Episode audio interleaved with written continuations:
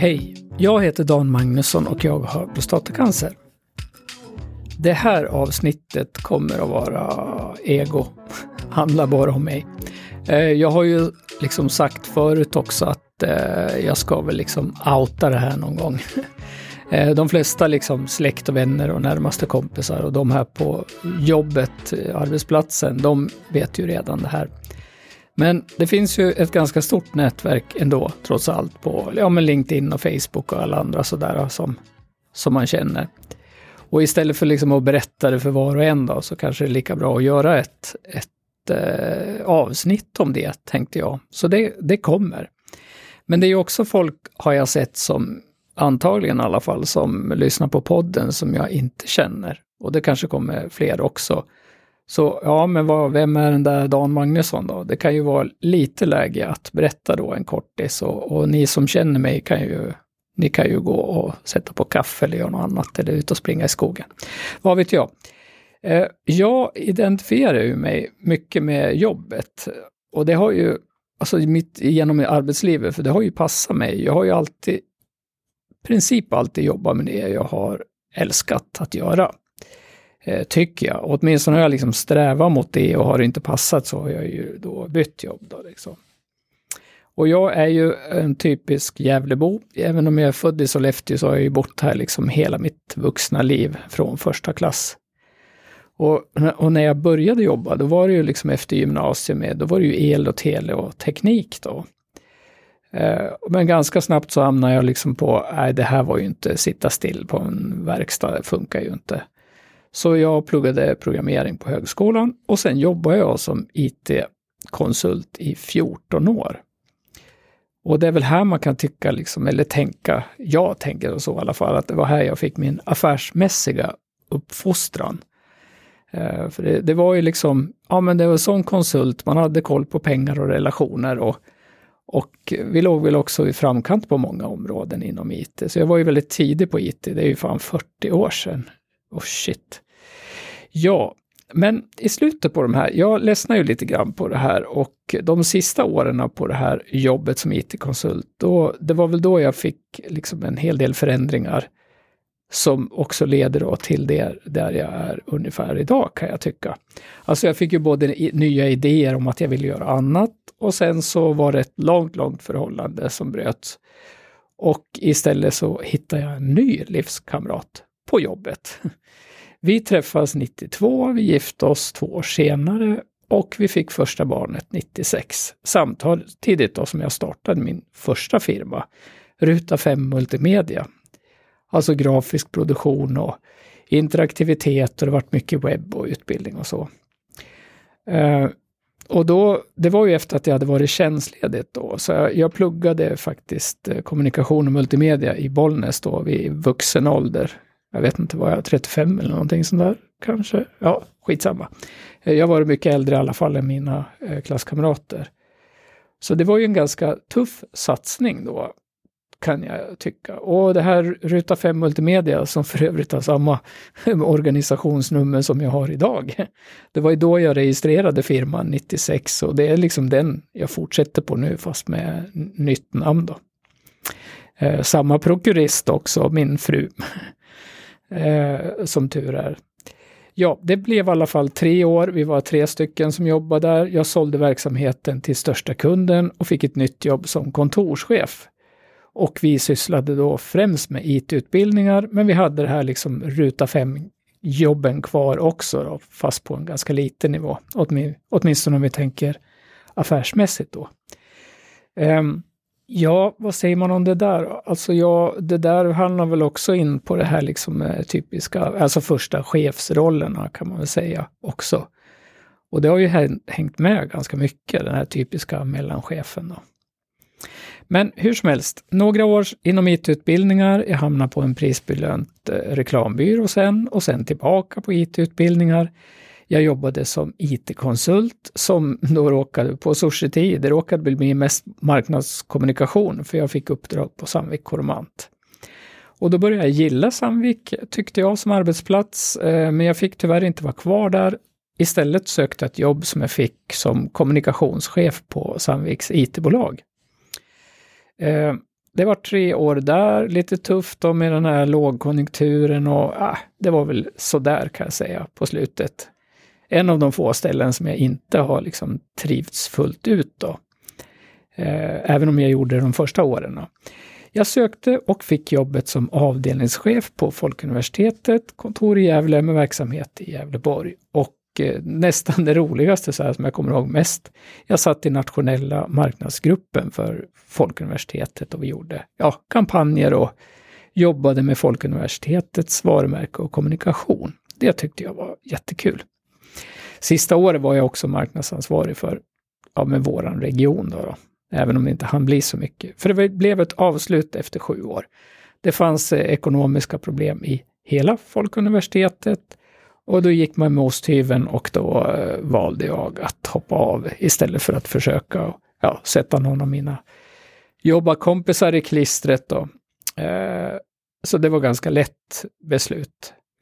Jag fick ganska omgående ett vikariat som biträdande rektor på Komvux och Yrkeshögskolan i Sandviken.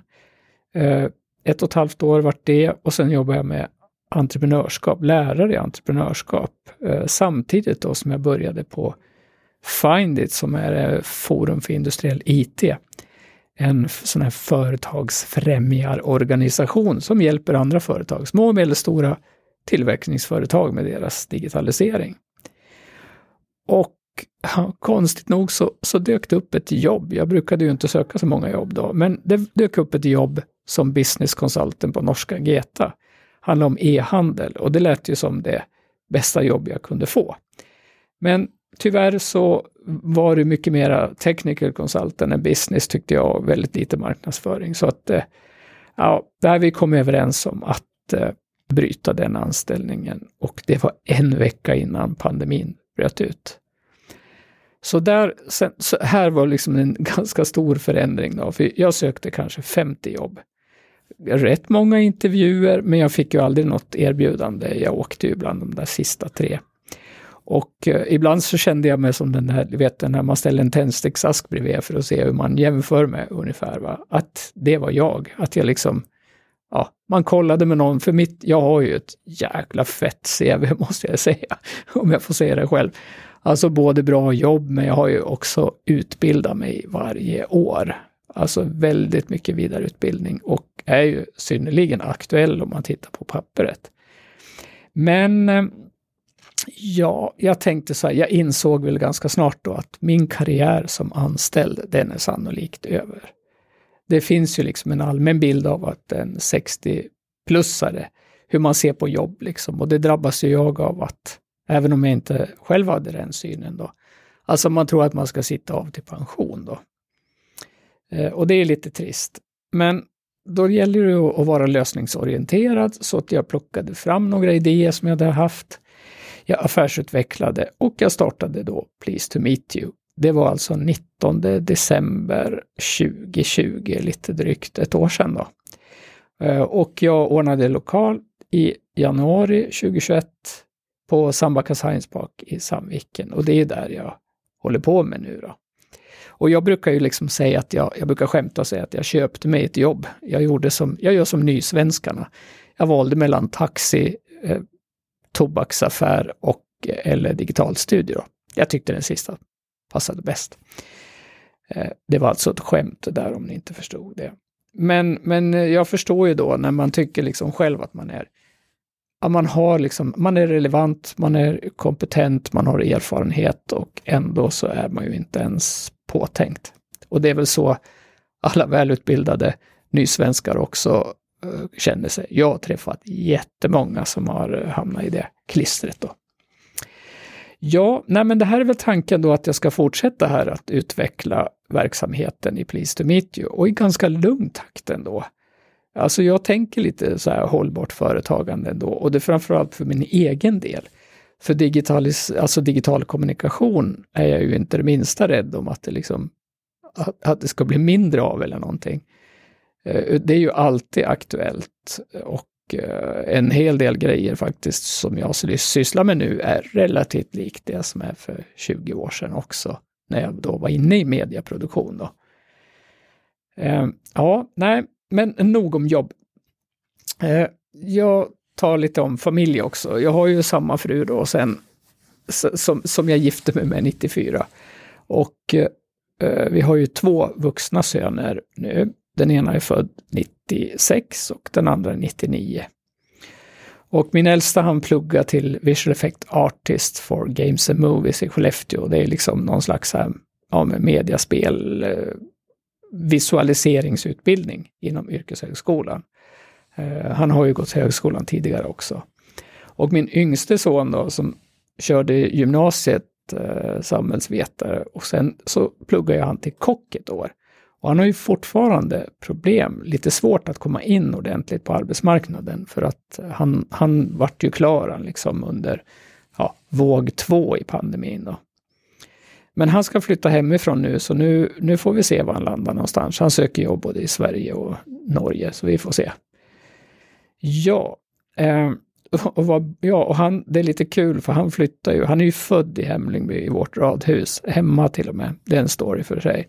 Och han flyttar också inom Hemlingby, 300 meter åt andra hållet jämfört med var vi bor nu då. För att sen drygt 20 år tillbaka så bor vi i en enplansvilla i Hemlingby i Gävle. Jag brukar säga att det är ett lantligt läge i centrala Gävle. Det är ju liksom nära, men vi har ett friluftsområde med skog och skidbacke och massor med ja, terrängspår och sådär också för sommar och vinter. Det är ju kanon. Vi valde ju verkligen, alltså vi sökte ju verkligen oss hit då, för vi gillade att eh, träna.